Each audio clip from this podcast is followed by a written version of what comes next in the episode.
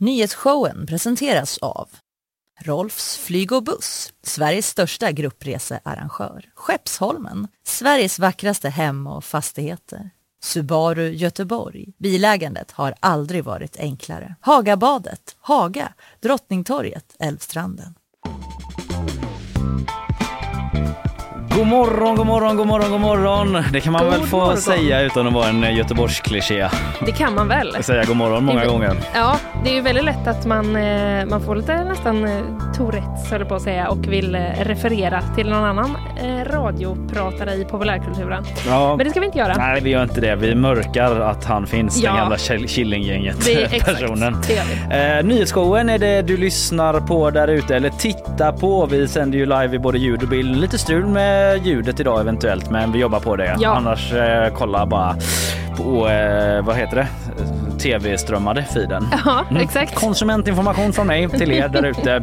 Eh, vi sänder live från GP-huset, det legendariska, i alla fall för mig. Polensplatsen, Linnea Rönnqvist, legendarisk Mölndalsbo i grunden. Ja, det kan man verkligen säga höll jag på att säga. Det kan man verkligen inte Det säga. hade varit Men, snyggare om bara jag sa det och du höll med så kraftigt. men du vet nu i början så vill jag också bara så hålla med dig, ha god stämning. Du så att, rycks eh, liksom med. Jag rycks med. Du skulle kunna Eh, säga nästan vad som helst. Ja, och problemet är att jag rycks ju med av Mm. våran jingel. Ja. Där jag liksom går upp i varv väldigt Ja. mycket. Du, som vanligt så har vi mycket att snacka om. Det händer ju mycket nyhetsväg eh, varenda evigaste dag. Jag ska snacka det. om Elon Musk. Det har ju hänt en hel del sedan han eh, köpte Twitter i fredags. En del är oroliga nu över Twitters framtid. Andra, till exempel Stephen King, är jättearga på Jaha. grund av pengar men också principer. Ja, Okej. Jag kommer förklara vad det handlar om. Vad ska du prata om? Du, jag ska prata om eh, överbefälhavarens militära råd eh, som eh, lades fram igår. Kan det bli så att vi ska ha kärnvapen i Sverige? Det är i alla fall inget som eh, de stänger dörren helt till. Gud vad intressant. Mm. Eh, också intressant att han på en presskonferens. Några tips från mig. Ja, ja verkligen. Det var bara så. Här kommer några råd. Men jag antar att det kanske är något sånt eh, de brukar göra. Jag ja, vet inte. Jag tror också. Vi får gäst som vanligt, Anneli Moran som är klimatreporter på ehm, GP här Mm. på vår tidning där vi arbetar. Hon ska till Sharm el-Sheikh snart. Ja, Inte på semester Nej, utan tyvärr. till COP27. Det enorma klimatmötet. Ska snacka med henne om vilka som blir de stora frågorna där. Hur det är att vara där. Det är jag Mm. ganska nyfiken på. Det känns lite som en sån bokmässan för klimatet. Ja. Att det är en jättestor mässhall. och gå bara, runt och plocka gratis godis och pennor. och... ett så samtal med kanske någon kändis som Ja. har börjat så cykla till jobbet och Exakt. pratar om det. Men också att kanske någon sån eh, gammal Butros Butros Ghali, Ja, någon sån gammal Det kan dyka upp eh, många, ledare är där. många kändisar. Ja, det kan det verkligen göra. Eh, och eh, ja, vi ska snacka om det helt enkelt. Också Andra nyheter från dagen. Ikea stämmer en indiespelsutvecklare. Mm. Kalmar FF möttes av hakors. Misstankar riktas mot de som bokat salen innan på ett hotell. Ja. Meningarna går isär. Eh, lite om andrahandshyror i Göteborg också kommer jag snacka om. De är rekordhöga. Ja, ja, ja. Och Region Halland i förväxlingsdrama med eh, världens största idrottare. Vad har du med? Du, jag ska prata om fel typ av djur som har tagit sig- in på Universium. Mm, tagit sig in. Ja. Det är lite omvänt i Göteborg. Det är Ja, inga precis. ormar som tar sig ut Nej, exakt. utan Det- djur som det- tar sig in. Precis, det är tvärtom. Sen blir det en huge planet killer asteroid Nej. och eh, lite grann om eh, fotbolls-VM i Qatar Mm, faktiskt. en cliffhanger om något. Ja, verkligen. Huge planet killer. Stay tuned hörni. Eh, hur mår du annars? Annars eh, är det bra tycker jag. Ja, Hur, eh, hur är det med dig då? Jo men det, det är bra. Jag, du vet, jag, har ju, jag har ju gått från ett, en livsstil som är helt eh, så chill utan att behöva fixa någonting. Bara, du Mm. vet, gå till jobbet, sen går hem, typ plöjer igenom The Wire en gång Ja. till, kanske eventuellt laga mat, till att liksom göra en sån mega omställning till att jag har en lista med tusen saker som jag måste fixa varje dag. Vad är det här för typ av grejer? Det är förskolan, jag ska städa där, det är liksom fixa med bilen, det är någon som ska ha en ny overall, det är liksom en hela Okej. så här då- någon, någon ska ha en ny overall. Ja. Ja, precis. Ibland kanske det är att jag kommer hem med en overall till mig själv men Ja. vänta lite, det här är ju barnkläder. Vem var det nu som skulle ha? Vart hittar jag ens en för en 180 cm lång man? Ja, Jättekonstigt. och vad sugen jag blev på overall. Ja, det kommer säkert tillbaka. Det är lite så One Ja. Piece-mode. Mm. Men igår så var det typ att jag har fått en ny telefon med ett eh, nytt abonnemang. Just det. Och så funkar inte den. Och så var jag så jävla arg. Bara, fan jag har liksom inte tid med en enda grej på min lista. Det skulle jag Nej. bara flytta över automatiskt det här Mm. abonnemanget från min gamla operatör till min nya. Mm. Jag är så jävla liksom less på det. Jag ringer till slut upp den här operatören då har liksom skjutit på det även fast jag inte typ kan ha någon kontakt med omvärlden. Men Förutom IRL. oj! Ja, men jag orkar typ inte ringa Nej. telefonköer mer. Nej, du blir lite upprörd nu. Ja, men Ser jag, det på dig. jag har varit i det så mycket Ja, ja, senaste fattar, halvåret. Det är liksom min kamp. Mm. Eh, och den ska vi inte värdera mot något värre liksom. För att det är personligt. Men den är min jobbig. upplevelse. Ringer i alla fall till den nya operatören och bara hej det funkar inte typ. Vad Nej. ska jag göra? Och de bara har du satt i det nya simkortet? Eh, nej det har jag inte. Mm. För jag tänkte typ att det fördes över digitalt på något tjoflängs. Och de bara nej du måste sätta i det nya simkortet från oss. Det är ju också fruktansvärt Mm. när man har stört sig över något jättemycket och så är det ändå kanske Så- något... så, så himla dum i huvudet liksom. Ah. Eh, han skrattade och rakt ut. Han, eh, fast typ på ett hjärtligt sätt. han? Ändå. Ja men jag var typ ändå att det var typ ett förlösande skratt. Jaha, Jag okej. kunde skratta åt min dumhet. Men det är som att jag ibland, du vet så här, eh, jag kan, kan vara ganska smart på vissa saker. Mm. eh, Men så lägger jag liksom all min tankeverksamhet på typ så skriva ett manus om det jag ska prata om här. Och sen när jag går ut härifrån så är det liksom så bara, hallå! Mm. Det finns inget kvar. hjärnan liksom. Det är verkligen så klappkass i huvudet. Typ. Att jag fattar typ ingenting. Jag orkar liksom inte, jag, jag vill så snabbt fram till kärnan hela tiden. Ja, Du vet jag är också så Twitter, Instagram skadad, att så här korta budskap hela Mm. Ja, tiden. Typ skulle sätta upp en gardinstång för ett tag sedan. Ja. Tittar i den så manualen från det stora möbelvaruhuset. Jag kan säga Ikea nu för tiden, det är Ja, det inget. Mm. konstigt. Eh, tittar i den, liksom läser första sidan och sen bara äh, det är väl bara att... Och så har jag satt upp den upp och ner på riktigt. Typ, att jag, ja. kan man ens sätta en gardinstång upp och ner? Ja men typ upp och ner åt fel håll för att den här hålla fast grejen är på fel sida. aha. Så nu måste man varje så gång... du måste sväva Ja, men, gardinstången? nej, den sitter fast men varje gång du ska öppna den så måste du typ så luta dig upp och så trycka in, trycka in den på sidan och bara så. God morgon världen. Men jag tycker vi kan ta med oss att du har i alla fall satt upp en gardinstång. Ja det har jag Alltså gjort. det hade du lika gärna kunnat låta bli. Må så vara upp och ner. Ja. Men där Men är den. uppe. Där är den. Eh, du vi tar en liten bumper innan eh, du ska få ta över ordet här.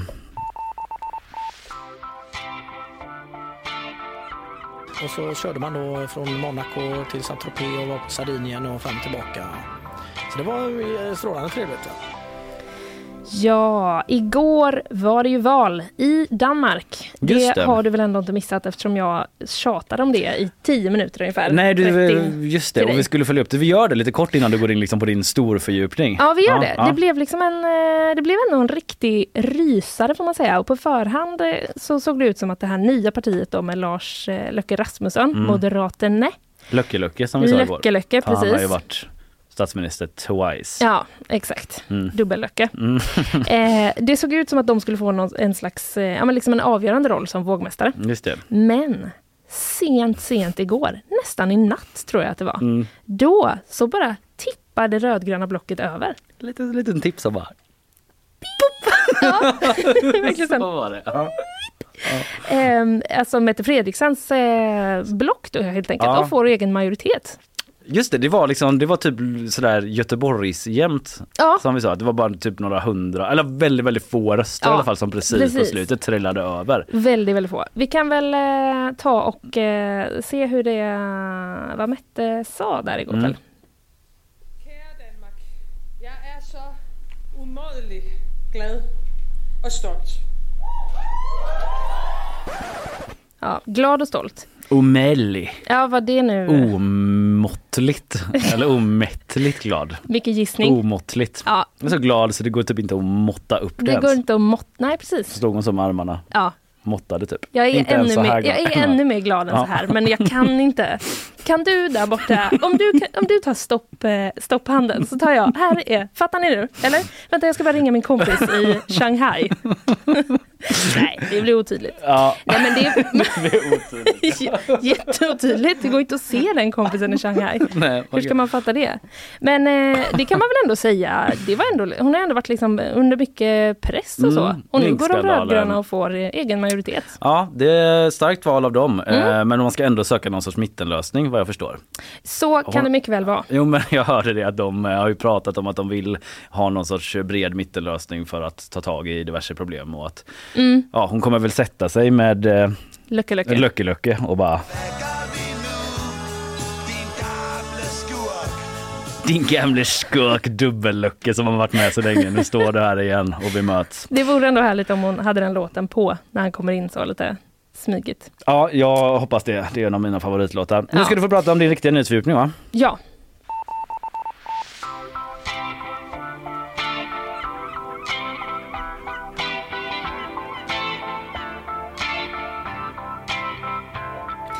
Ja, eh, ÖB, även känd som överbefälhavaren, eh, kom med militära råd eh, igår. Ja, Vill in direkt med att undra vilket ÖB som är kändast. Ja. Gamla överskottsbolaget eller överbefälhavaren. eh, jag kan säga att när jag googlade igår eh, så fick jag eh, mycket mer så, vill du köpa det här? Än att jag fick träffar på Mikael Bydén då, som, han, eh, som han faktiskt heter. Och eh, han höll då tillsammans med generaldirektören för Försvarsmakten, Mikael Granholm, en eh, presskonferens igår där de då presenterade militära råd till eh, regeringen.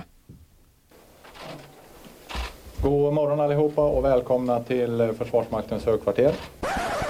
Två saker vill jag säga här. Fantastiskt att eh, man får komma in i Försvarsmaktens högkvarter. Ja. Och var det verkligen god morgon? Jag tror att det här var typ i tio.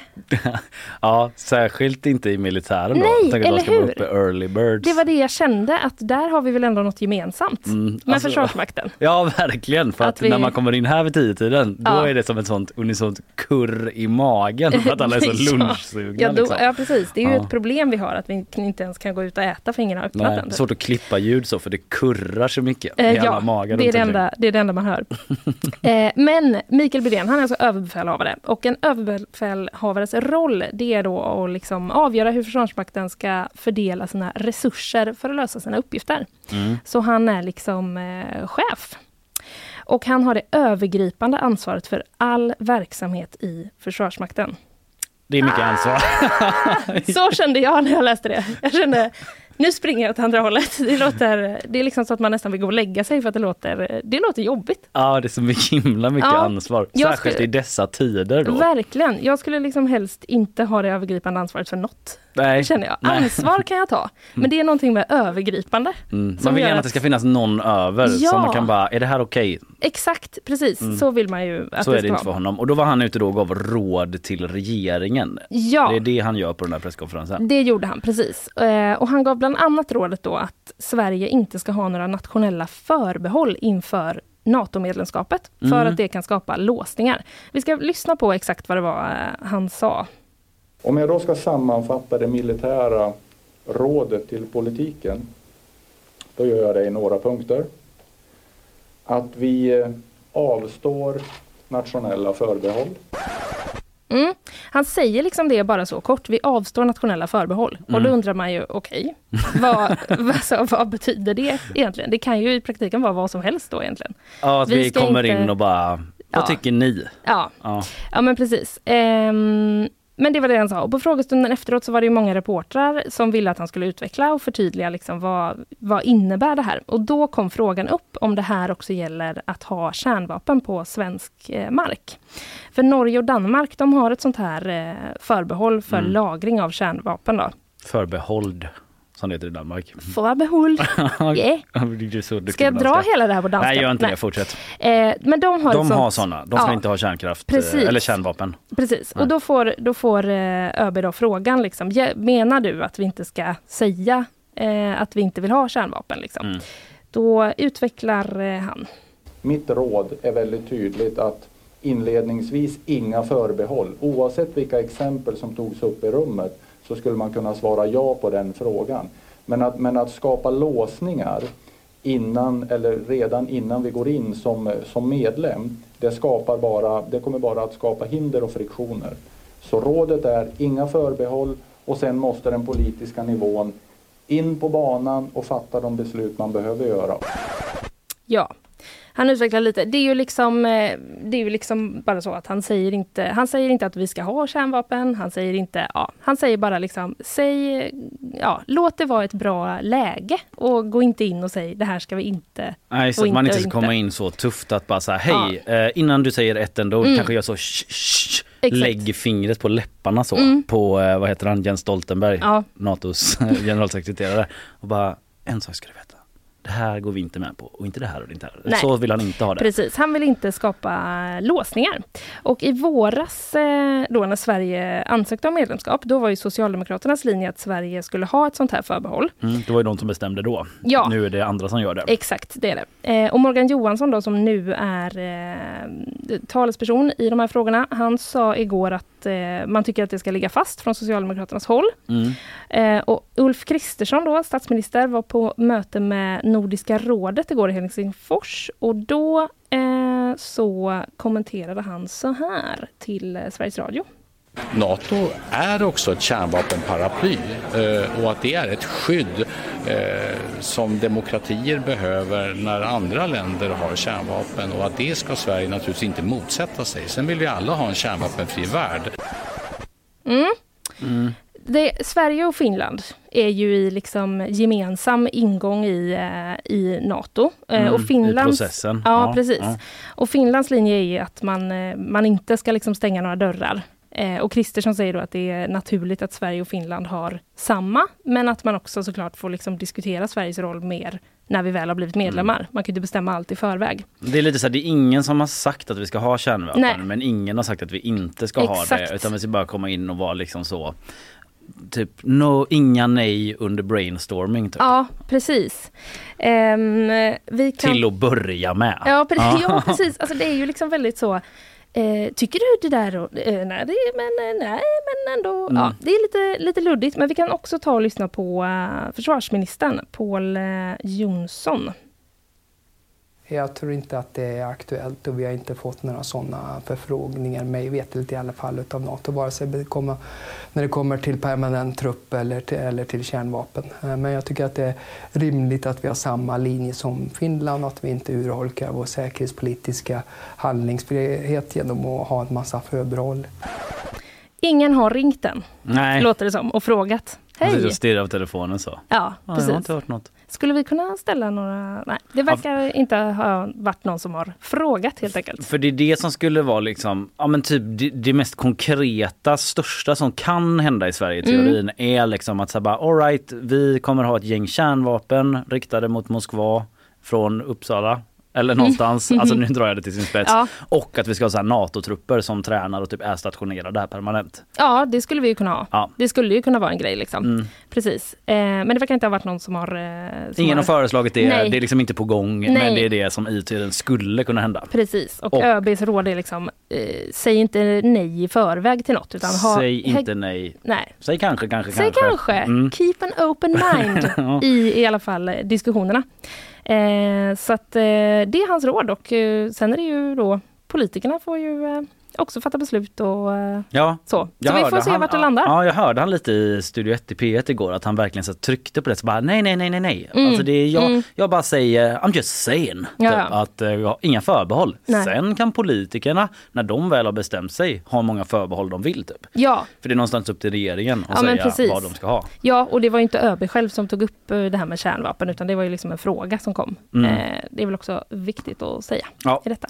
Intressant att följa om det blir några kärnvapen på svensk mark mm. eller inte. Vart kommer de stå? Kommer de stå här nära någonstans? man kan, liksom, kan man gå och titta i så fall? Ja, men jag hörde någon röst, det var någon från eh, KD som satt i typ försvarsutskottet tror jag det var, jag kommer inte ihåg namnet men som var så här, ja alltså det är nog inte så troligt heller att det blir eh, Nej. kärnvapen för att de är på typ ubåtar och sånt och mm. drar runt. Men det här med trupp och så här, ja i teorin kan det ju hända. Mm. Det är mm. någonstans en, också en principfråga typ hur eh, ja, hur med, nu om vi kommer med så finns det ju ändå grader typ nästan mm. Eh, tänker jag med hur mycket man är med. Ja, ja, Upplåter visst. man sin mark till alla bara kom in, ställ ja. era grejer här. Ta hand om den här grejen. Mer än halva Sverige är skog, visste ni det? Mm. Bara, har ni inte plats för kärnvapen? Mm. Det finns plats. Ja. Eller om man ska vara så, nej vi har några förbehåll som i Danmark. Ja, exakt. Ja, spännande att följa.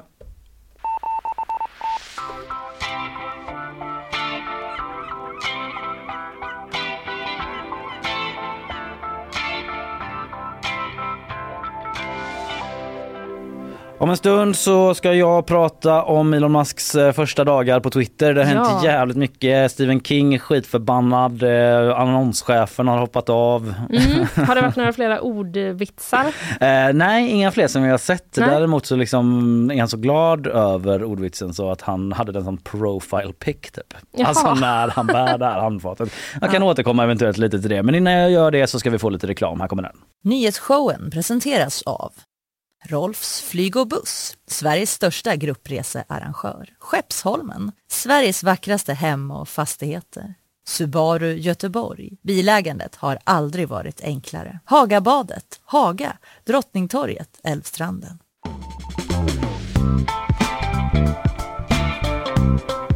Vi är tillbaka. In i studion har Isabella Persson kommit. God morgon Isabella. God morgon. Hur står det till? Det står bra till. Hur står du själv till? jo men det är bra. Jag har redan dratt det tidigare programmet. jag vill inte säga. Vi kan ta det privat sen. Eh, men eh, du har med dig nyheter. Ja. Eh, vi kör igång dem direkt tycker jag. Yes. Jag ska bara göra en sån liten fräck övergång till dig. Det var länge väldigt jämnt men när de sista rösterna räknades in från Grönland så stod det klart att det röda blocket får majoritet i Danmark. Statsminister Mette Fredriksen firade igår valsegern men sa också att de kommer begära entledigande för att sondera möjligheten för en ny regeringskonstellation. Hennes parti Danska Socialdemokraterna har gått till val på att skapa en regering över blockgränserna.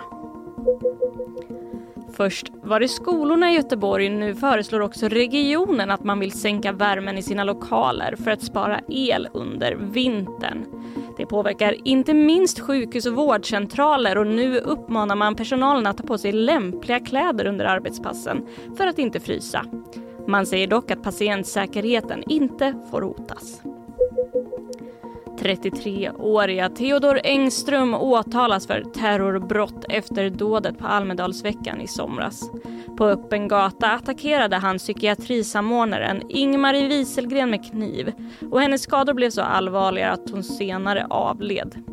I åtalet står det att Engström uttryckt en vilja att bli den nya Anders Breivik och att han under de senaste tio åren planerat att genomföra någon form av terrordåd. Tack för det Isabella. Vi följde den här rapporteringen en del igår om Theodor Engström och eh, terrordådet mm. eh, i eh, Almedalen där han ju misstänkt eh, åtalet har kommit och sådär. Mm. Eh, det var ju väldigt eh, Ja men det, jag vet inte, det är ju lite kalla kårar på det här att han liksom ska ha haft någon lista då liksom där han har kartlagt fler personer mm. och Annie Lööf har han kartlagt och det vet man ju sedan tidigare att han eh, hade någon sorts eh, förvirrad plan om att det var henne han skulle söka upp och sådär. Mm. Eh, men någonting som också berörde mig mycket i detta var när jag påmindes om, han har ju hörts tidigare, men om den här mannen eh, Lasse Reuterberg är det väl han heter. Ja det är det. Eh, som eh, en göteborgare och det var alltså han som eh, tacklade ner Engström mm -hmm. i Almedalen. Mm. Alltså när han kommer springandes på gatan där i Visby så kliver Lasse fram och bara bodyslammar honom typ. Oj. Ja det var så himla Ja det var väldigt starkt. Jag, jag klippte faktiskt ut lite från när han var med i eh, P1 Sveriges Radio igår. Vi kan bara lyssna när han typ beskriver vad det var som hände. Eh, och då vänder jag mig om och då kommer det en, en tjomme som vi göteborgare säger eh, springandes upp i backen där. Och jag trodde att han hade fick en sån där tanke om väskryckare. Jag vet inte om det finns längre men det var den tanken som for igenom huvudet och då tyckte jag att vi ska inte ha väskryckare i Almedalen. Mm. Så att eh, när han kom upp bredvid med det så fick han en tackling utav mig. Oj. Ja, det är så jävla starkt. Han verkligen agerar Mm. eh, precis så som man önskar att man själv hade velat göra. Ja, Men det var ju väldigt mycket kalabalik där på platsen. Det var ju väldigt mycket uppståndelse. Annie Lööf var ju i närheten och det, vi hade reportrar på plats precis på torget där. Så det var ju en, Mm. det hände ju väldigt mycket där just då. Liksom. Ja, det är verkligen så bustling plats och jag hörde han själv prata om att här, han förstod ju inte, han visste ju inte då att den här mannen skulle haft en kniv med sig eller att så här, Ja han har Mm. huggit någon här som man säger, jag tror det var typ en väskryckare om Ja. det fortfarande finns vilket jag tyckte Ja. var så roligt sagt av honom. Eh, Men eh, ja, jag kan spela en liten bit eh, till då liksom ehm, han, eh, han får en fråga eh, i Sveriges Radio. Eh, Ja vi lyssnar helt enkelt. Måste jag ha haft en del kraft eller var det att han inte var beredd på det också? Eller vad? Ja, en kombination. Jag är ju inte jätteliten precis. Va? Så det, det var väl för honom som att springa in i en vägg som dessutom rörde sig mot honom. Så stor är han ju inte, den här killen. Så att eh, det blev ju för honom en, en rejäl smäll. Jag älskar Oj. Lasse så mycket. ja verkligen. Ja men just att han pratade om eh, att så här, han säger ja till alla intervjuer och så också för att han hoppas att han eh, kan på något sätt liksom sprida lite ljus i den här supermörka historien Mm. och någonstans kanske inspirera folk till att den gången, det kanske händer en gång i livet eller inte Mm. alls där man hamnar inför en sån här situation typ. Mm. Att agera. då. Ja, att man, ag- att, att, eh, man ag- ja, exakt det du sa. men eh, typ också med försiktighet. Ja, just det. Kanske om det är så, men det är väl från fall till fall. Ja, jag ville bara flika in det. Jag tyckte det var mm, ja, en stark berörande historia mitt i allt allvar. Tack Isabella, eh, du är tillbaka om en liten stund. Ja. Det är ju fantastiska författare allihopa och eh, två av tre böcker har jag ju själv läst och haft väldigt stor eh, eh, tyckt har varit väldigt, väldigt eh, bra. Den tredje är en film, måste jag bara säga. Ja. För sakens skull. Då. Ja, Det är, ja, det är något med det där. Ja, Ja, Ja. Mm, att alla tar, ja, mm, ja, vidare. känner igen det. Mm, det var kulturministern där, eh, Ja. från den gamla Ruben Östlund-fadäsen. Du, Elon Musk.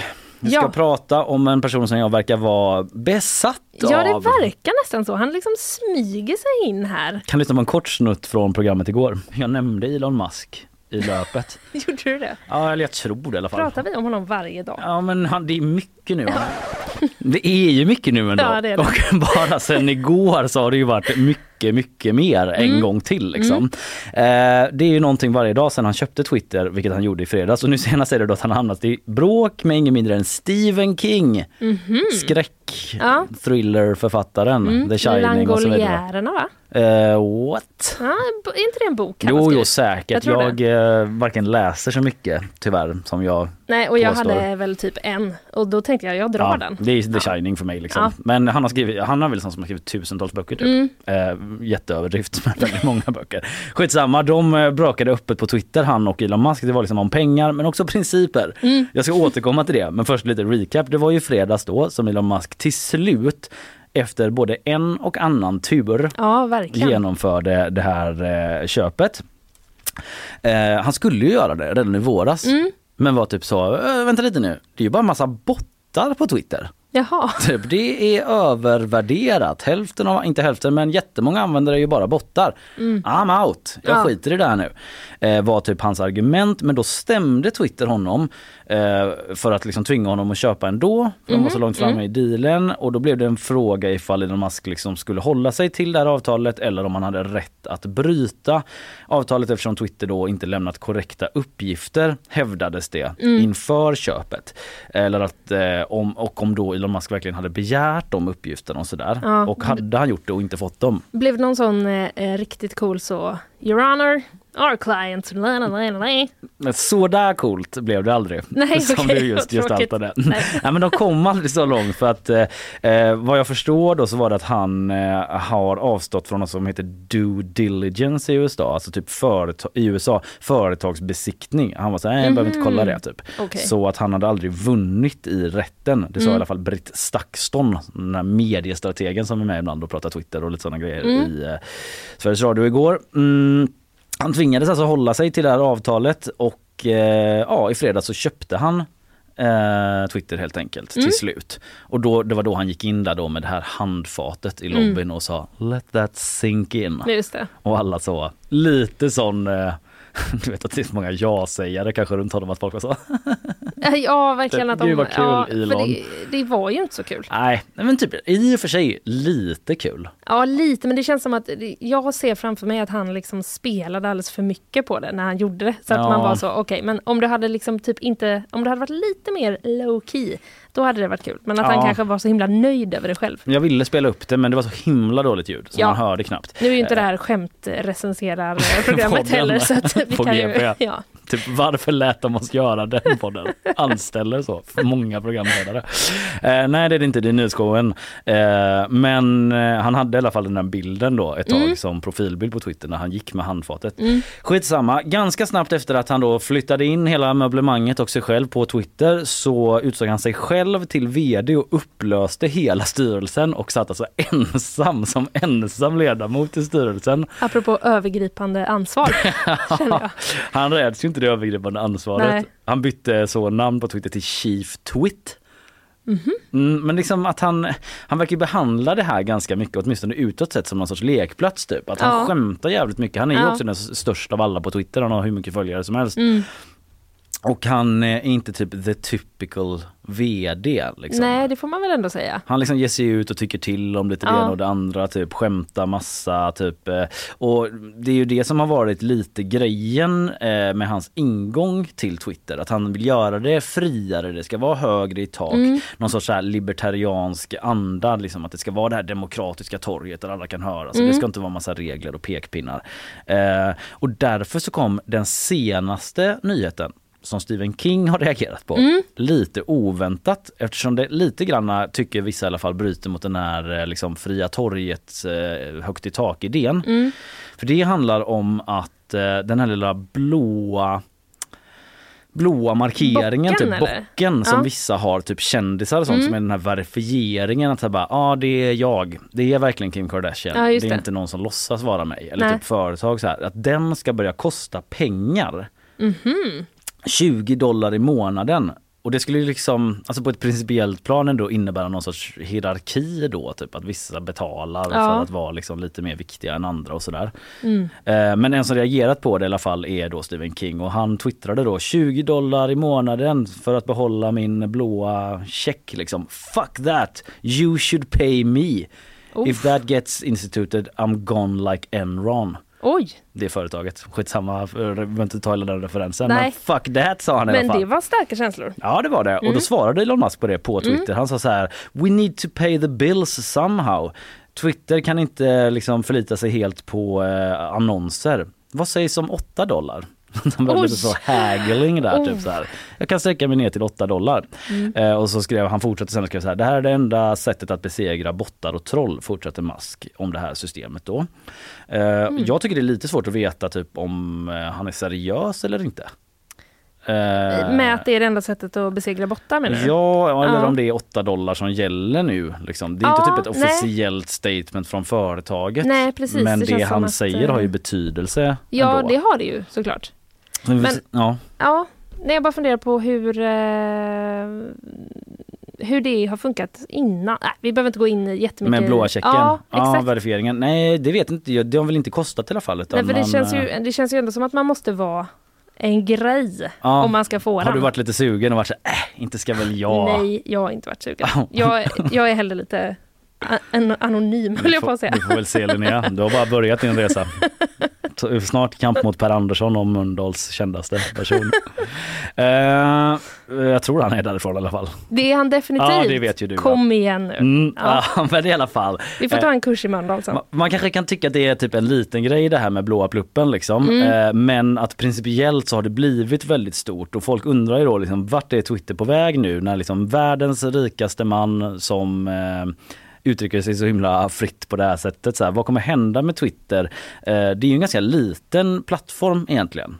Eh, Är det det? Ja men på ett sätt är det det för att det är liksom, det är någon sorts, det brukar kallas ibland för någon sorts elitplattform. Att den, Mm. Det är inte lika många användare som typ så Facebook och TikTok tror jag i alla fall. Ehm, däremot så är så här, de som är där är väldigt så här agendasättande, typ att det är jättemycket Ja, just det. politiker där, Mm. det är väldigt mycket journalister som typ så här tar, hittar sina nyheter där, sina filterbubblor, att den är liksom Mm, ett smalt rum typ på något sätt. ett smalt rum som påverkar väldigt mycket En om vad hall. som tas upp. Ja, man skulle kunna kalla det för en hall. Eventuellt. Vi Ev- behöver liksom inte spika Nej, den metaforen nej. för all framtid. Vi kör vidare. Men eh, den finns där Den liksom finns. att eh, ta till om man behöver en snabb metafor. Vårt eh, metaforbibliotek som vi håller på att eh, bygga upp sakta Är det men säkert. Nu? Nej. Nej. vi har bara ett bibliotek, det är helt van- vanliga podd. Nej men att Eh, och då liksom kvarstår ju frågor nu efter allt det här. Så här hur blir man av med alla de här bottarna som man snackade om från början? Hur mycket hat och hot ska tillåtas? Alltså kanske inget då, men liksom vart går gränsen i det fria ordets Mm. anda?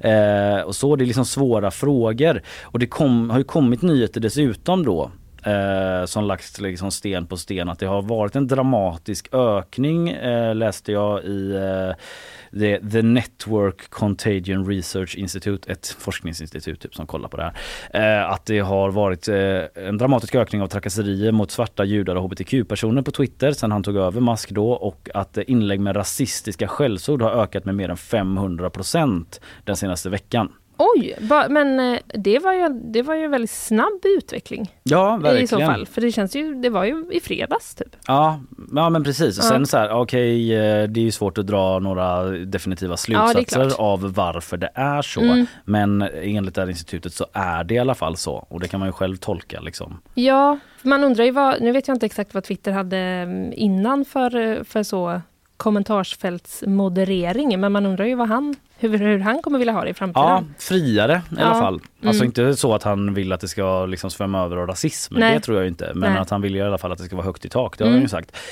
Ehm, men det är också så att Elon Musk själv, det pratade jag om kort igår, som spred den här eh, extrema konspirationsteorin om Paul Pelosi, Nancy Pelosis Just man. Liksom, att han Mm. delade någon artikel som han sen tog bort och liksom det blev en stor grej.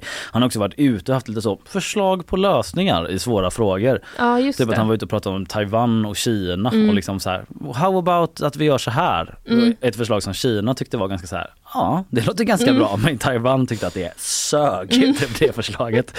Eh, och han har även föreslagit att Ukraina tidigare då så här, kanske ska ha, ska vi inte bara göra så här då? Vi har folkomröstningar i de ockuperade områdena så de ukrainarna själva får bestämma om de ska tillhöra Ryssland Ja. eller Ukraina. Mm. Låter bekant. Det låter bekant. Det var exakt det som hände för det var det Mm. Putin ville och genomförde de här eh, helt illegitima folkomröstningarna. Mm. Eh, så då, ja, jag vet inte, han är bara ute och typ eh, ger sig in i jättemycket olika Mm. frågor och sådär och eh, folk undrar som sagt vad som kommer hända. Inte minst avslutningsvis med tanke på att Twitters annonschef då under tisdagen, alltså igår, berättade att hon eh, lämnar företaget eh, och hon anger som skäl eh, att en rad annonsörer då är väldigt oroliga för vad som ska hända med företaget nu. Och enligt CNN så finns det en uppenbar risk att annonsörer nu kommer överge Twitter, skriver de. Mm.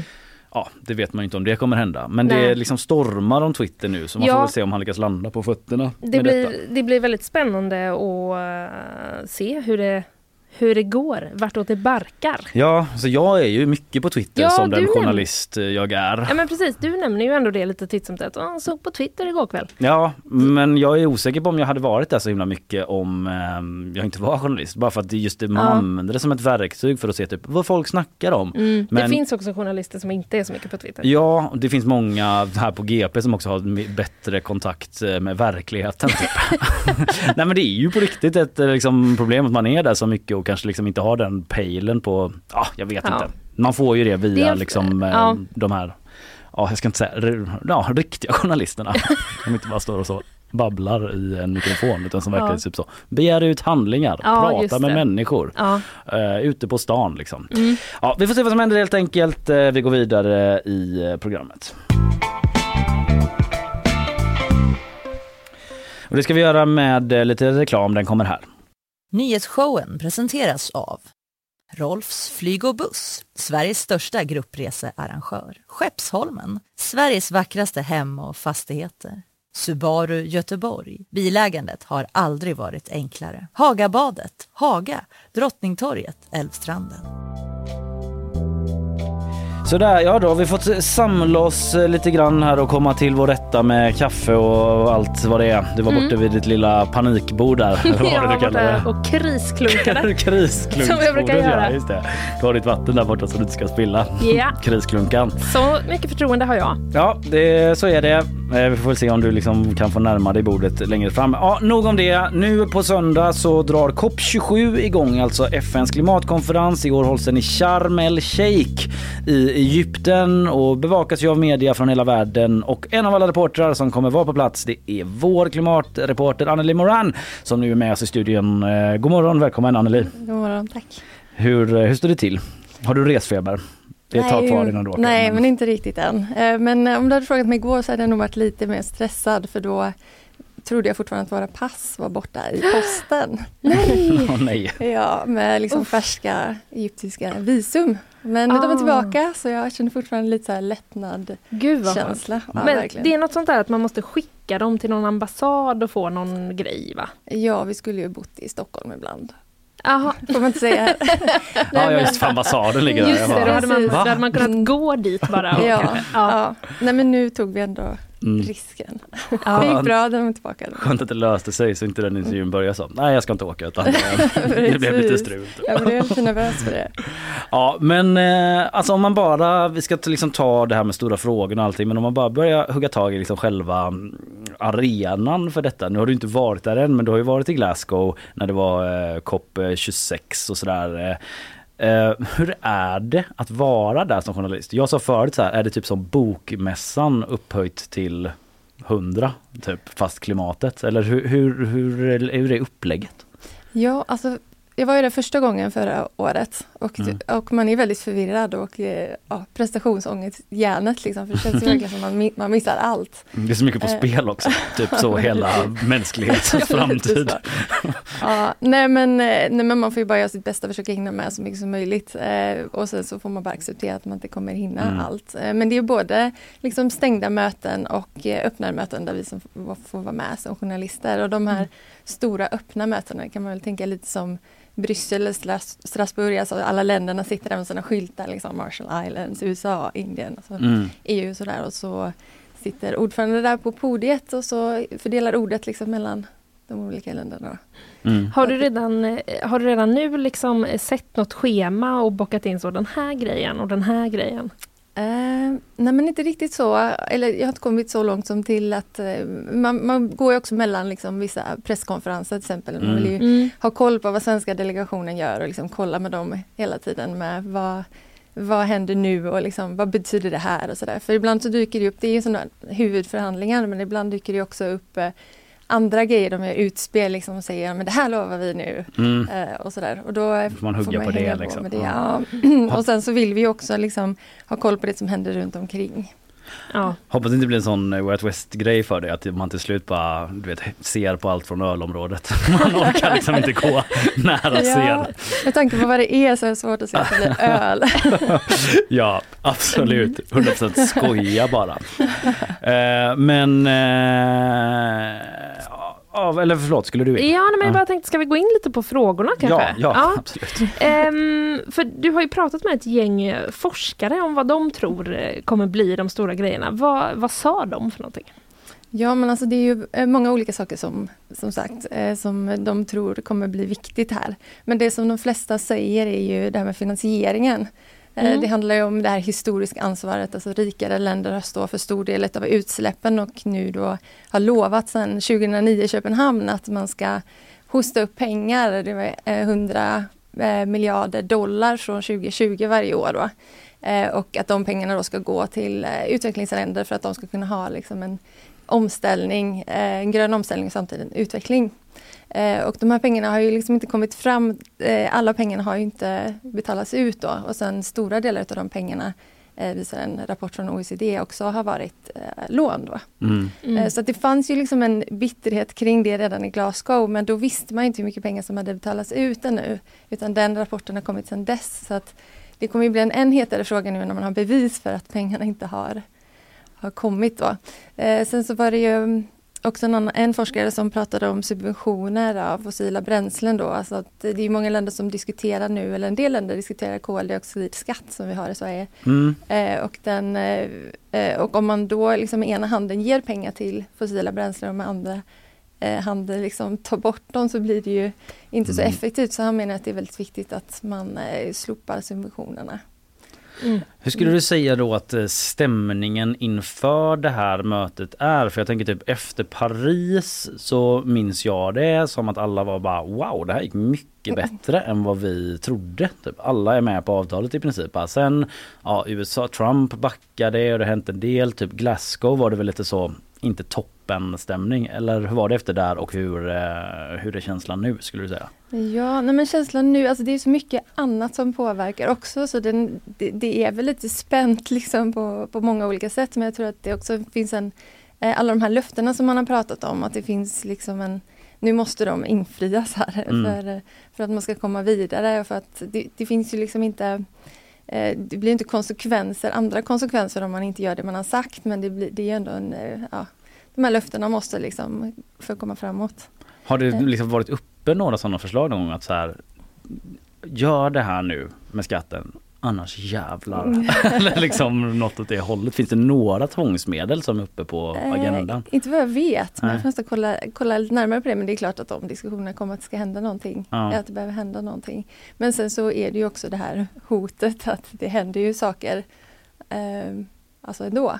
Eh, om vi inte gör det här så blir det katastrof liksom. Eh, Ja, ja, nationen du har Att liksom här- klimat... det är ju också eh, konsekvenserna. krisen, Ja, Precis, konsekvensen. det där Mm. hotet som, eh, som ändå är beskrivet ganska tydligt men som ändå är svårt att eh, typ greppa på något sätt. Ja, det är Eller det, det är liksom kanske att eh, man brukar ju säga så att ja, men det ligger långt fram och det är svårt att, att liksom eh, relatera till det. Men det, ja förlåt det var en eh, liten... Nej nej men typ som Greta Thunberg till exempel hon ska ju inte åka dit och det kanske finns flera anledningar men hon pratade i The Guardian om att det är så här, men det är bara greenwashing typ. Eh, Hon tycker inte liksom att det är typ ett relevant forum att åka till ens. Mm, nej men hon menar väl att det bara är vackert snack liksom och Mm. sen så och ett sätt att fördröja eller liksom ja, rättfärdiga det man, att man inte gör saker lite. Mm. Men, eh, men det är klart att det är de här politiska diskussionerna, det är ju en global fråga så det är klart att det är viktigt att diskutera liksom, eh, globalt också. För Mm. det är väldigt många länder som kommer, det är ju 200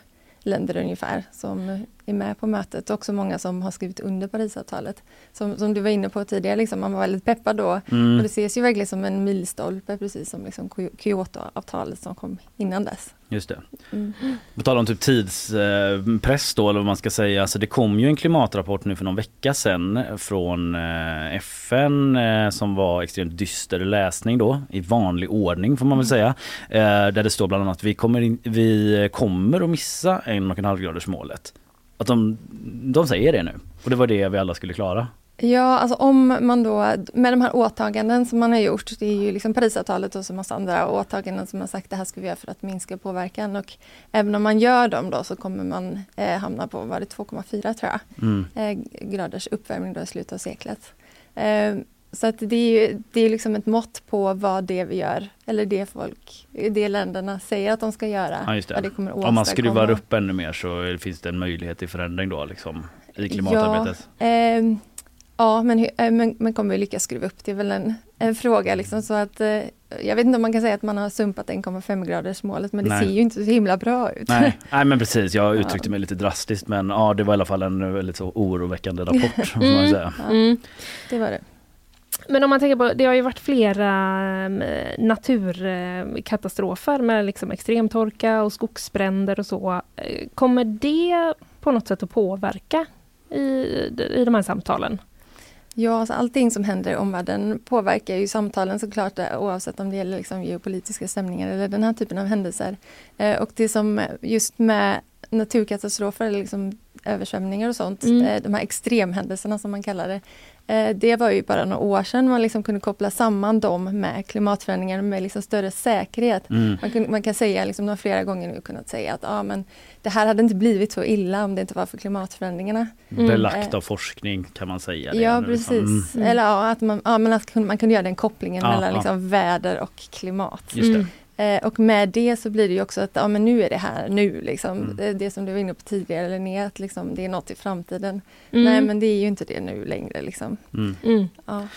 Eh, På tal om eh, omvärldshändelser då, kriget i Ukraina. Hur tror du det kommer påverka diskussionen? Allt förhåller sig ju till det, förhålls ju till det i hela världen just nu. Ja, jag pratade med en forskare om det här i Göteborg och, eh, och han var väldigt tydlig med att eh, krig gör det så väldigt mycket svårare, eller han sa nästan att det var möjligt att eh, uppfylla klimatmålen om, om man inte har fred och det har väl också eh, kriget i Ukraina visat att, att eh, när när det kniper liksom, så säger man att ah, men nu måste vi använda allt vi har. Vi har liksom inte tillräckligt med el och, eh, eh, och då, men då börjar man fundera på kol igen kanske och, och liksom mindre bra alternativ.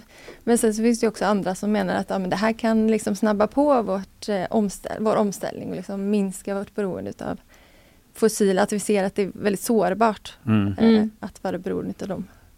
Just det. Men ja, hur Ja. det blir, det vet vi inte riktigt. Nej, så är det ju. Jag tänker liksom, det kan, man kan ju passa på att säga det att liksom, mötet har inte börjat ännu och när det väl gör det då kommer man ju såklart kunna följa din rapportering och GPs rapportering därifrån Mm. liksom mer i, in i de konkreta frågorna typ så här, vad man diskuterar, hur går det med att nå de här liksom, koldioxidskatter och så vidare. Nu är vi på lite mer generellt plan Ja. inför bara så att alla liksom är med på det som lyssnar. Absolut. Och på tal om det liksom eh, ett generellt plan inför det, det hålls ju i Egypten då Mm. detta eh, COP27 och det har ju inte varit helt eh, okontroversiellt kan man ju säga. Det är ju eh, ett land eh, utan eh, liksom fullständig pressfrihet om man säger så. Det finns väldigt många politiska fångar. Det finns liksom en oro för att klimatprotester som ju ändå liksom hör till lite grann de här eh, eventsen. Känns så här fånigt att säga event, att man liksom förminskar det då, men ni fattar vad jag menar. Ja men att eh, man inte kommer kunna hålla sådana på samma sätt. Ehm, vad, eh, ja hur liksom ser diskussionen ut om det? Ja, nej, men det har kommit kritik. En del menar ju då att de som är lite obekväma för den egyptiska regimen inte har fått akkreditering, alltså att de inte har fått till, tillgång till mötet och sen så har ju de kontrat med att de har gått ut med extra akkreditering och sånt där. Mm. Ehm, så att eh, den diskussionen finns ju såklart eftersom det som du säger, det är liksom inte okej att protestera till vardags där. Ehm, men eh, och eh, liksom de som det handlar om är väl kanske de här icke-statliga aktörerna då som kallas Just det. NGOs. Mm. För men, det är också att det, att det hålls, eh, det är inte mitt i stan heller utan att det är på ett lite så här svårtillgängligt ställe också. Ja, det är lite som att centrum ligger lite, och så, ja, jag, jag vet inte hur långa avstånd det är, men det är ju bort till ett liksom, kongresscenter. Mm. Så, ja, nej, men vi får se alltså, hur mycket civil olydnad det blir. Man kan väl förvänta sig att det blir mindre i alla fall än Mm. vanligt. Varför är Mm. man i Egypten? Men eh, mötet flyttar ju mellan de olika regionerna. Mm. Eh, och då var det ju Afrikanska gruppens eh, tur den här gången. Och då valde man just Egypten, säkert av många olika anledningar men eh, de är väl liksom mer mm, ja, bättre ekonomiskt, eh, ekonomiska möjligheter än vissa andra afrikanska länder då. Mm.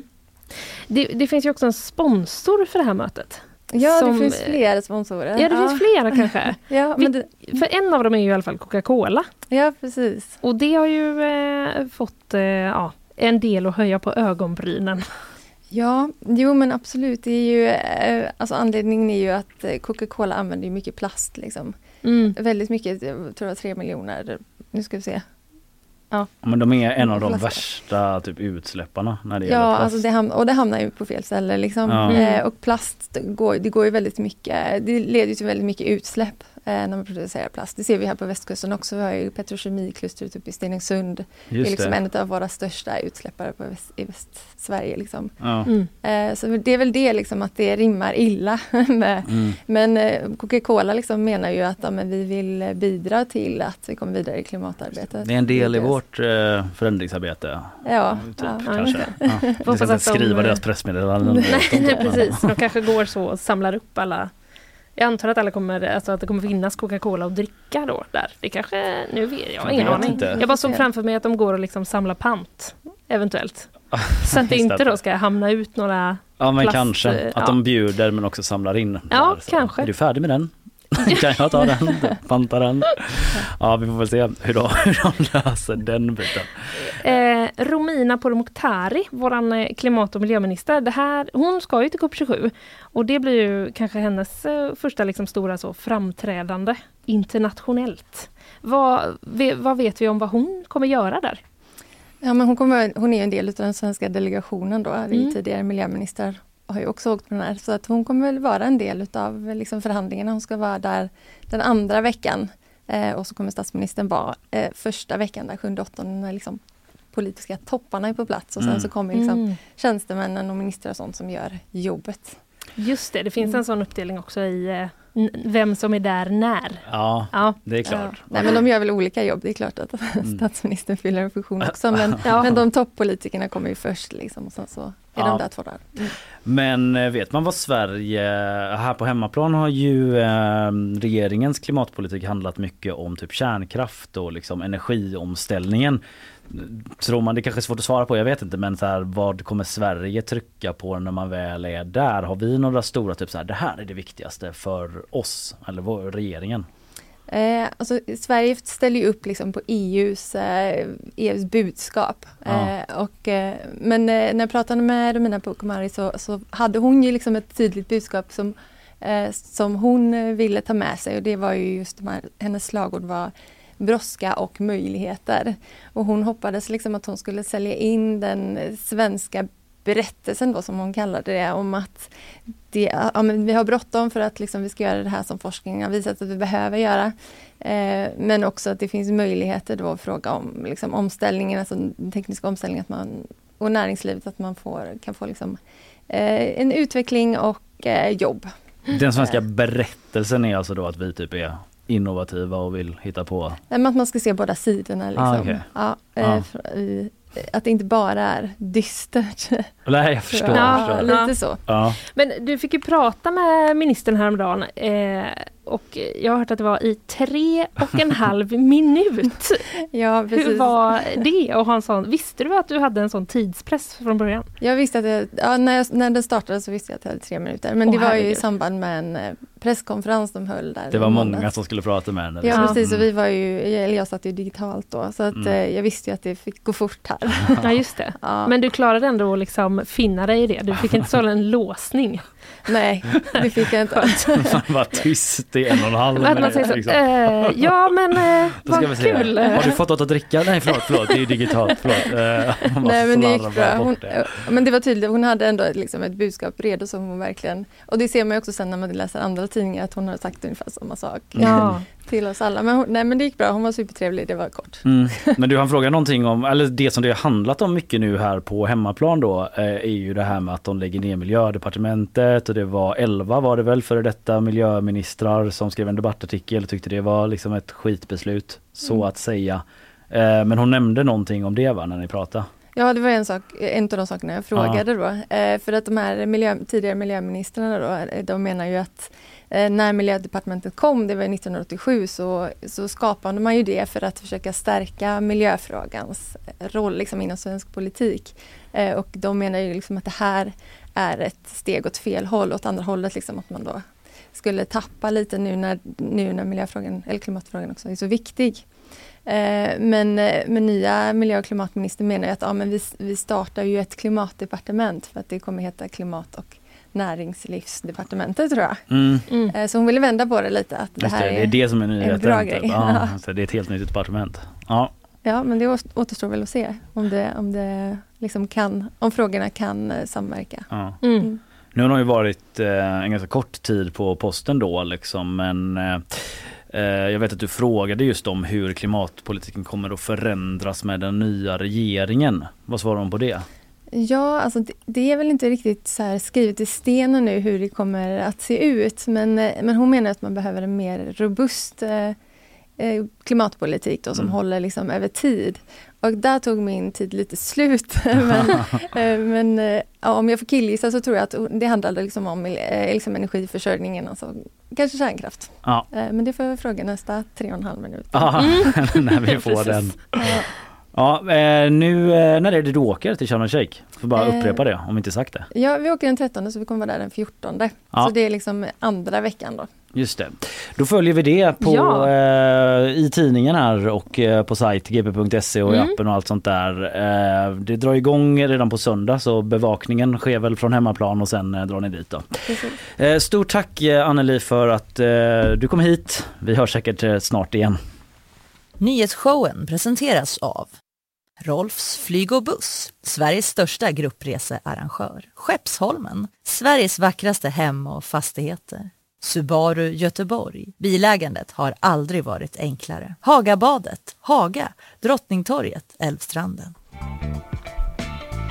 kommer några exempel på öknamn. Skyffelmördaren, Rock-Olga, Porrbirger, 10-2, Bade Knick, Trampa Vatten, Loffe, Snoppen, Gissa Mitt Jobb, Föreningen Tjuven i Bagdad, Manolito... Sådär ja, eh, jag tänkte jag skulle prata om en grej som jag läste om igår. Eh, Jag läser från eh, Fotbollskanalen. Det är Mm. Barometern egentligen som skrivit om det från början. Kalmar, här- va? Ja precis, eh, Kalmar-tidningen där. Det handlar om just Kalmar FF, fotbollslaget, som möttes av hakors på hotell.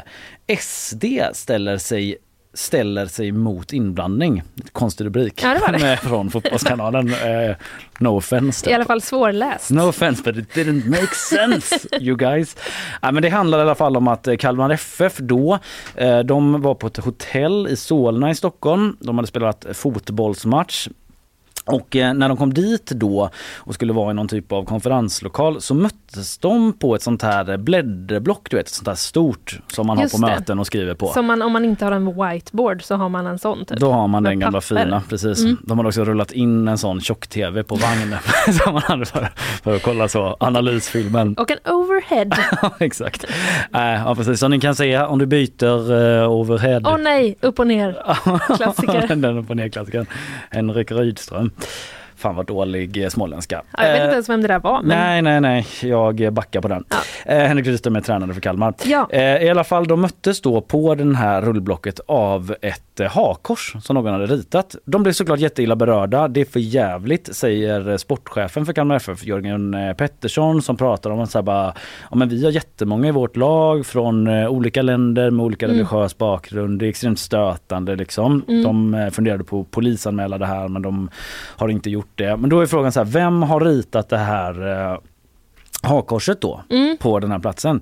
Och eh, då har... Eh, Var, det var alltså typ i någon slags konferensrum eller? Ja precis, i hotellet så finns det någon sorts sal där Mm. eh, som de skulle använda. Man Mm. har ju såna här genomgångar inför och efter Mm. match och så. Eh, och då eh, berättar, eh, skriver Fotbollskanalen och Barometern om det att eh, det var bara ett annat gäng som hade eh, använt den här lokalen den dagen. Mm. Och det var inte så ett gäng 13-åriga killar typ, som vill vara edgelords. Eh, utan det var SD-kvinnor, alltså S- Sverigedemokraternas eh, kvinnoförbund. Mm. Eh, och ehm, då s- så eh, säger ordförande Linda Lindberg, eh, och hon menar att SD har inte någonting med den här teckningen att göra. Vi nyttjade lokalen mycket kort på lördagen. Ingen av oss i vår grupp har något med teckningen att göra och vi vänder oss kraftigt mot anklagelser om vår inblandning i saken.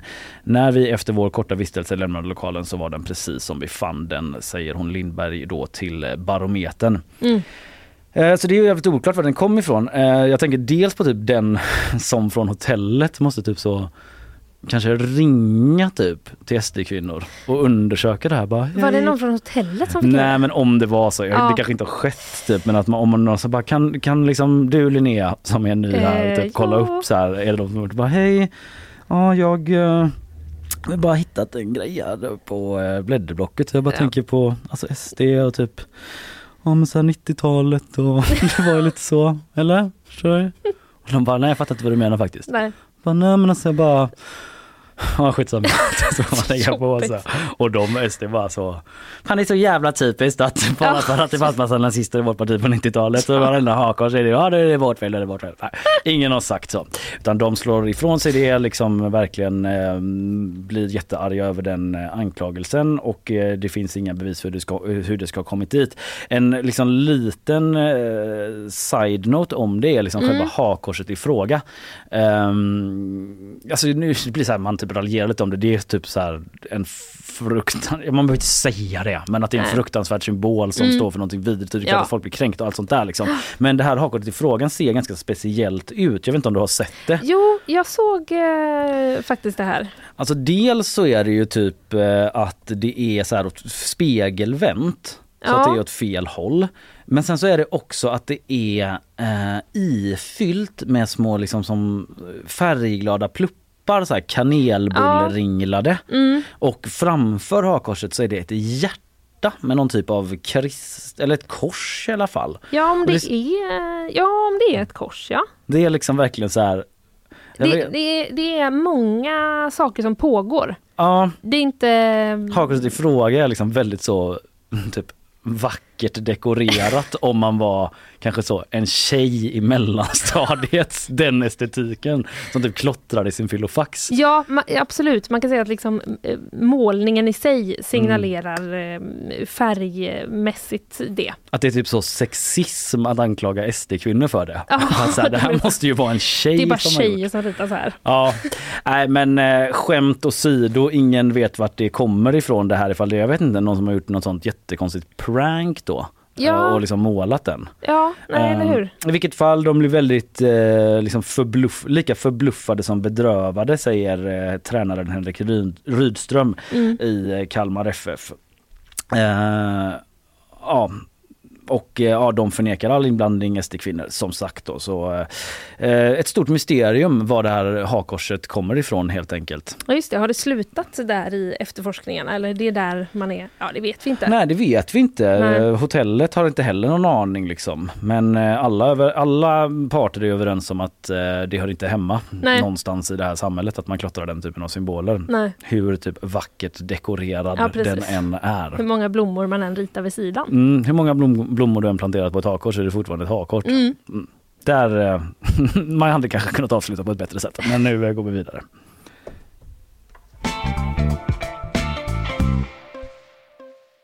Ja, du. Eh, råttor har tagit sig in i regnskogen på Universium. Mm, gross. Mm, verkligen. Alltså, det var det du var inne på innan ja. Ja. Att eh, här, så Här- rymmer inte djur. Nej, utan djur bryter sig in Ja. i, på Universium istället. Men det väcker ju också frågan om en råtta kan ta sig in. Ja, kan då... Vad kan ta sig vad ut? kan ta sig ut? Mm. Ska vi Men- börja med vad som inte kan ta sig ut? En haj till exempel. Ja, det skulle jag säga är väldigt svårt. Ja, en, eh, en, eh, apa kanske. Ja, en apa kan nog inte heller. Ja, det var en dålig idé att nämna allt som inte kan ta sig ut. Vi släpper den. Människor. Ja, Eller det kan de ju, det ver- de kan ju verkligen ta sig ut Annars från blir det en sån. Disneyland i Shanghai Ja, från exakt. igår. Ja. Det är inte där. Nej, vi där är vi inte. Nej, eh, men und, nu under eh, höstlovet så är det eh, en besökare som nämner bland annat att eh, man ska ha sett fem stora råttor springa över golvet. Och den här besökaren verkar först ha varit lite osäker på om det liksom var en del av grejen. Ja, usch. Ja. Inne i den här regnskogsmiljön. Ja. Ja, jag vet. Uh, nej, Ja. men jag fick, eh, nu liksom blev jag påverkad av hur äckligt du tyckte att det var. Ja, men jag har faktiskt väldigt svårt för råttor. Ja. Jag är så unik är jag. Men, Men det, eh, det, man ser ju råttor lite titt som tätt. Gör inte du det? Jo, jo, jo, det händer. Mm. Men eh, det är någonting att se dem inomhus. Alltså se dem Ja, utomhus det. är det en annan grej. Det är så jävla, jag vet inte, det känns som man har någonstans att ta vägen. Men inomhus Ja. är man så jävla one-on-one med råttan på något sätt. Det går snabbt till Snakes on a plane eh, Ja. panik när man är in a rainforest. Getting motherfucking tired of these motherfucking rats in this motherfucking rainforest. Konstgjorda rainforesten. Jaha, vad säger Ja, vad gör universiteten de? då? Jo, eh, Charlotte eh, Mansfield som är pressansvarig, hon säger råttorna brukar hålla sig undan för besökare. De Till oss har... på GP pratar de. Ja, ja, Ah, ja ah, precis. Ah. Bra sagt. Eh, de, de har ju haft, de har haft lite problem med råttor även eh, tidigare, Ja. men nu har det liksom trappats upp. Då. Och hon säger råttorna brukar hålla sig undan för besökare, men i regnskogen är det varmt och en trivsam miljö för dem, vilket gör att de blir mer, kan bli mer synliga. Okej. Det ska då liksom ha, det här problemet med råttorna ska liksom ha ex eskalerat i samband med byggnation, alltså byggnation Ah, ja, och de eh, de här sprängningarna typ vid Ah. Korsvägen, där Universium ju ligger. Mm. Så att det liksom gör att eh, råttorna kanske så, då kanske vi går till regnskogen istället om ni ska hålla på och spränga där vi bor. You guys, Ja. det finns en regnskog här borta. Men eh, jobbar de på att få väck detta på något sätt eller vad? Det tror jag alldeles säkert att de på något sätt gör. Vad långsamt internet vi har här. Eh, Ja, jag, jag kan prata så länge. Jag har varit på Universium eh, ganska många gånger faktiskt. Mm. Eh, det är ingen reklam för dem eh, eller på något sätt men att eh, det är ju jävla så här klibbigt och så som det är i den där regnskogen. Barnen älskar det. Jag liksom kanske inte älskar det lika mycket men om jag hade det. Och det är väldigt öppen miljö. Att du går på sådana här eh, hängbroar och skit liksom. Så här, om det hade kommit, det känns som det finns typ en häls eller liksom en skaderisk. Att om det kommer en råtta. För jag hade nästan kunnat göra en sån eh, du har hoppat. Ja, liksom. liksom lite så åsan, alltså gammal buskisgrej, typ kanske hoppat upp på en stol och så, skrikit i hjält. Mm. Och gör man det på fel plats där inne, det är lite halt och sådär också, det är hög luftfuktighet. Ja, Då det kanske man det ju. slinter ner. Ja, men precis. Men du, ehm, de håller på att få bukt med det här problemet. Det är så? Kan jag rapportera. Ja. Ja. man jobbar ihop med Anticimex bland annat med att täta väggar Aha. så att inte råttorna ska kunna ta sig in. Och så har man satt ut någon, eh, någon typ av fälla också. Eh, En För råttfälla? fånga dem. Ja, en gammal, en gammal klassisk råttfälla. nej jag tror att det är en, jag tror att det är en annan fälla. Alltså honey trap, eller vad heter Ja det? just det, en sån sexig råtta från ett annat land som bara vill du komma hit och så bara BAM! Typ, eh, En råtta som står och lutar sig mot väggen och är så. Ja, Det hallå? Hallå? Hallå eller? Ja, liksom, och så, så kanske man typ får ur den här råttan eh, någon information. Hur och så kom du ur, in? Hur kom du in Ja. här? Eller typ så bara, ja typ nu, du vill ju ligga med mig här nu, jag har filmat alltihop. Vi kommer Ja. skicka det här till din råttfru Ja. om inte du tar med alla råttorna. Get the fuck out of Ja. Universium. Det kan ju vara så. Ja det kan vara det. Eh, Ett tips om inte annat på en ja. ny typ av fälla.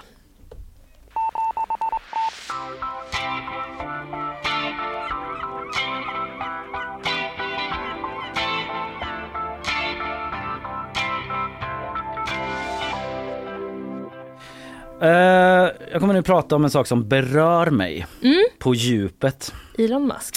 Nej. Skojar. Inte det. Det handlar om dryckföretaget Vitamin Well. Ja! Alltså jag, eh, återigen inget eh, spons på något sätt, men jag, jag är ju en konsument av drycken Vitamin Well. Mm. Eh, jag vet inte riktigt varför, jag vet inte om det är för att Zlatan sponsrade den och att jag på ett undermedvetet sätt liksom har valt det som min dryck. Nej. Karl, vår producent, har sagt till mig att så här, du får sluta dricka vatten Alltså typ så att det är som, som blandsaft. Typ. Ja, just det. Eh, men då är jag typ så här, nej men det är typ eh, bra. typ jag, lite, jag har inte kollat upp det riktigt Du så. faller liksom på vad det står på. Ja precis det. och det är det som är grejen här nu då. Eh, liksom all skämt åsido som jag just var inne på. Liksom, men att så här, Stockholms stad eh, vill förbjuda dryckföretaget Vitamin Well att använda produktnamnet Hydrate. Mhm. För de har olika saker som står på deras flaskor. Typ så Recover, Mm. Upgrade, Elevate och en är Awake någon och så här, Hydrate Ja. heter en annan. Och det är Stockholms stad just för att deras typ kontor eh, ligger i Stockholm. Så då är det Stockholm mm. som eh, har eh, kollat på det liksom. Mm. Och just det här med Hydrate då, det är ett hälsopåstående utan täckning säger eh, Carolina Svavar. Får jag pausa lite Ja, bara? gärna. Det är ju ändå på något sätt lite spännande att man säljer en typ av vatten Mm. och man får inte påstå att det är hydrate.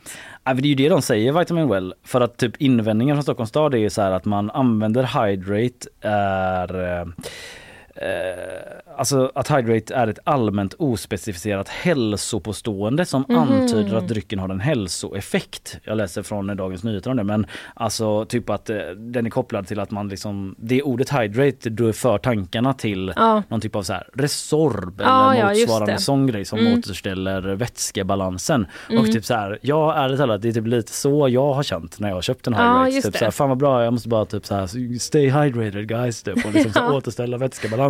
Ja, just det. Eh, Men Vitamin Well själva då som överklagat beslutet, de motsätter sig grundpremissen. Eh, De säger till Dagens Nyheter att vi anser inte att ordet hydrate är ett hälsopåstående. Vår produkt är inte en vätskeersättning, vilket vi tycker är tydligt för konsumenten. Hydrate betyder dricka, säger de. Namnet inspirerar till att dricka produkten. Men- Så att den heter Hydrate för att de vill liksom, alltså det de vill göra är att de vill inspirera folk till att dricka. till att dricka här ja. Då hade man kunnat döpa den till så. Bli otörstig.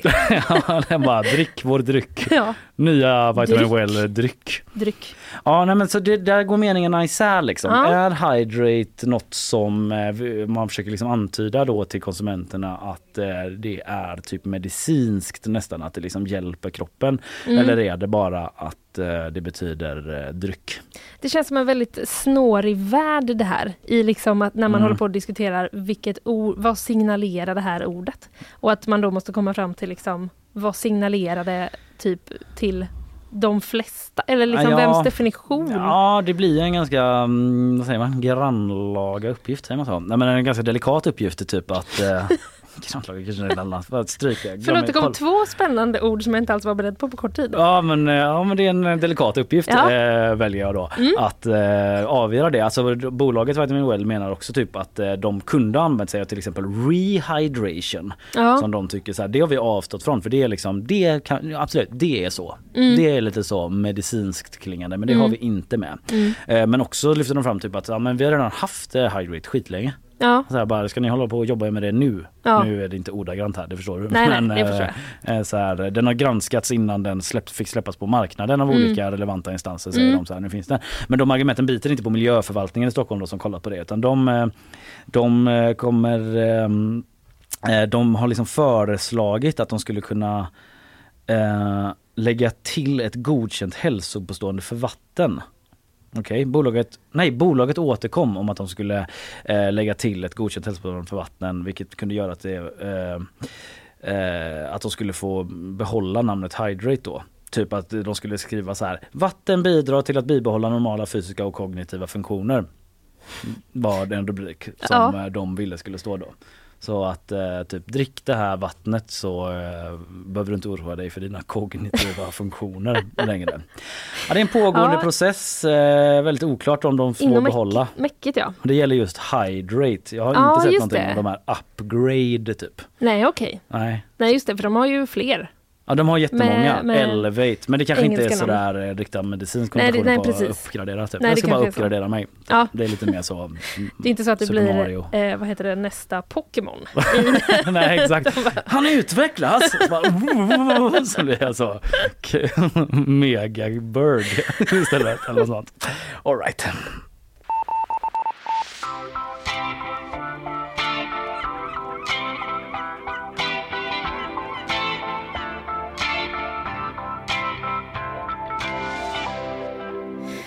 Nu har jag varit på The Guardian Mm, och där, Surfat in. där har jag surfat in och där har jag läst rubriken Huge Planet Killer Asteroid Discovered and it's heading our way. Nej, The Guardian. Ah, Jag känner typ att det finns ett men här. Annars Ja. hade det inte varit bara The Guardian som skrev om det. typ. exakt Ja. vad jag skulle säga. Det finns ett men. Ja, Eh, för annars hade vi kanske också tagit det lite tidigare. inte säkert att det typ hade sänt som vanligt idag. Nej, vi kanske inte hade gjort det. Ja. Eller? Ja, kanske. Ska vi inte ha en sån grej? Show vi, must go vi sänder oavsett. Liksom. Oavsett om planeten finns kvar eller inte. Ja. Mm. Men det här är då en eh, asteroid. Visst måste det vara, det måste ju vara asteroid. Ja. Det kan inte vara något sånt med billions och millions eller något sånt. Eller? Det Nej. betyder rymdraket. Man kan också göra som The Guardian och kalla det för en space rock. ja. Mm.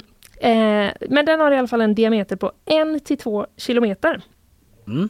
Och eh, det ska då vara eh, den största Ja, jag får ta det här på engelska för The Guardian är ju, det är ju så. Astronomers say they have discovered the largest planet killer sized asteroid in eight years. Mm. Alltså den största planetdödar storleksmässiga asteroiden på eh, åtta år. Men Men. Scott Shepard på Carnegie Institution for Science in Washington. Mm. mm. Han säger att eh, det finns ingen eh, risk att den här kommer träffa jorden just nu. Eh, för att den kommer, liksom, den kommer ju liksom i, i vår väg kan man säga. Men eh, jorden kommer då vara på andra sidan solen när den kommer förbi. Aha. Så det är som att liksom, ja den är i närheten men vi kommer inte det kommer vara, ja, den kommer missa oss. Ja, så det går så, fan, var du där? Fan chef, jag också där. Typ, Ja. ah, men, alltså, okej, då måste du varit på andra sidan Ja, solen. Typ, liksom, bara, precis när jag gick på toaletten Ja, så fan vad då, otur typ. Ah, Ja. Vi kanske ses en annan gång. Bara, ah, jag vet inte typ. Ja, vi kan hoppas men jag eh, bara kommer fortsätta ut i rymdens oändlighet nu för all framtid. Så Ja. Kanske antagligen kommer tillbaka. inte typ. Ah, nej, okej, Eller hur jag fattar, funkar men det? vi hörs typ. Mm. Ja. Verkligen så. Så att, eh, mm, där fick man upp pulsen lite. Och sen så kände man, ja nej men det var ju, det var ju lugnt. Men, det, men NASA gjorde ju en sån testgrej för ett tag sedan väl, att de sköt en asteroid. Ja, Ja, de och skickade... det gick väl bra? Eh, Ja, jag tror att de lyckades med det. Ja, att de putta, putta asteroiden Ja. med någon typ av satellit. Men sen är det väldigt oklart, så här, funkar det på alla satelliter? Eh, Alla asteroider. Eller alla asteroider, Mm. hur stora de än är och sådär. Ja, det är sant. Väldigt oklart. Men sant. annars är tips då, göm oss bakom solen. Ja, tack. Nu kommer den här! Bara gömma sig bakom så. Det är ju fantastiska författare allihopa och eh, två av tre böcker har jag ju själv läst och haft väldigt stor, eh, eh, tyckt har varit väldigt, väldigt eh, bra. Den tredje är en film, måste jag bara säga. Ja. För sakens skull. Då. Eh, Jag har nämnt på förhand eh, att IKEA de hotar att stämma en ganska liten spelutvecklare Mm. som har släppt ett spel. Eh, Jag hoppas att vi ska kunna lyssna lite här på trailern till det spelet. Have you ever gotten lost in one of those big furniture stores? Well, I've been stuck in this one for days. It just seems to go on forever. I tried to find help, but there's something wrong with the staff. Even worse. Ja, så Oh, låter inledningen till läskigt. trailern ja. Det påminner mig också om ett specifikt eh, möbelvaruhus i Mölndal där jag och min mamma alltid gick vilse. Ja, och eh, det är IKEA då? Nej. Nej det är inte det. Nej, det är det inte. okej. För att det som IKEA känner att det påminner väldigt mycket om IKEA det här stället. Mm. Och man ska ju säga det att eh, när man ser den här trailern så är liksom eh, det man ser ehm, det här varuhuset utifrån så är det blått med gul text och det heter Mm. styr. Liksom fyra bokstäver Ja. men ja, inte rakt av IKEA då.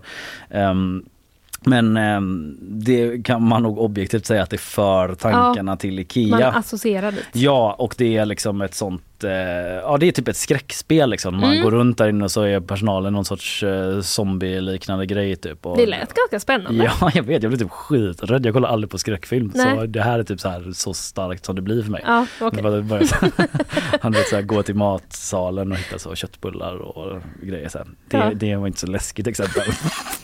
Om det inte ligger något bland nej, köttbullarna. Det, nej, nej, det nej, gjorde inte nej, det är var bara köttbullar. bara, Alltså det det här, sitter du ner typ. För att han går liksom dit och så finns det så svinbilliga köttbullar där. Typ jätte, typ så kund, Ah! kundvänligt pris. Bara gör, gör reklam typ.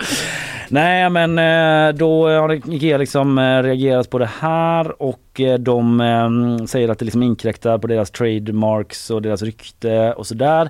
Men de säger dock inte att eh, den här spelutvecklaren Stories Closed heter spelet. eh, Att de måste skrota hela spelet typ men att vi skulle, eh, vi vill, eh, så här, vi stämmer er om ni typ inte ändrar de här grejerna som är så himla likt. Kanske ändra färgerna, typ ändra namnet Mm. och sådär. För att ja, vi vill inte förknippas med det här helt enkelt. Ja, alltså, på ett sätt kan jag känna liksom att de kanske bara skulle hänga på. Eh, ja, kanske liksom. Att de, om de vill vara lite såna cool Ja. girls. Eller cool, cool company. Cool grej. Ja men liksom inte vara typ sådär, vi vill inte vara med i något himla dataspel. Nej, de, nej men de, precis, de kanske bara skulle liksom, ja, kör Mm. hela vägen. För jag vet inte typ... Ta vår eh, grej. ja det kanske är, ja men i och för sig så är det väl det här såklart att man bara är jävligt noga med sina trademarks grejer. Att Ja. inte folk ska få använda det hur som helst. Så. Ja, det är klart. Men jag tror kanske inte att risken är jag vet inte om någon tror det, men att risken är att man spelar det spelet bara så jag, nu kommer jag faktiskt aldrig våga köpa en säng på Ikea. Nej, För fast, det, fast jag är så traumatiserad. nej, men det beror ju på hur läskigt det är. Om du hade spelat det så kanske Ja. du inte skulle vågat gå tillbaka. Nej jag vågar inte äta en enda köttbulle nu. Nej, Då det- liksom hände ändå inte ens någonting med den. Nej. Ja. Eh, han eh, spelutvecklaren bakom säger det är P- PC Gamer som skriver om det.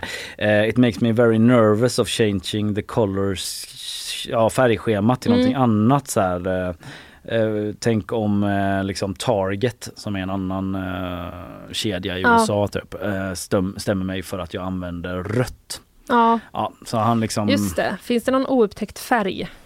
Ja, jag vet inte. Det blir väl en fråga då liksom om den färgen är trademarkad och så vidare. Eh, vi får se eh, vad som händer med hela den grejen men eh, Ikea är förbannade i alla fall. Mm.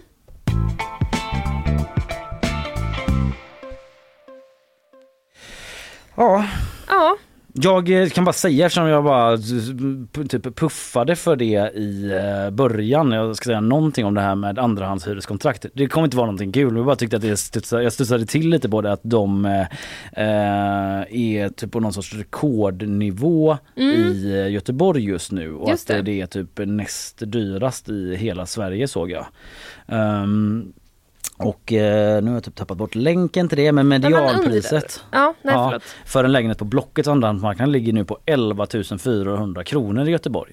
Oj. Median är ju då alltså inte snittpris utan det är Nej. i mitten liksom Ja, mellan högst och lägst. Ja. Så det finns ju de som är bra mycket högre också. En Mm. ökning med nästan 10% jämfört med i våras. Vad kommer, kan, är det inflationen också på något sätt som gör att folk vill... eh, Nu är det ju verkligen spekulation.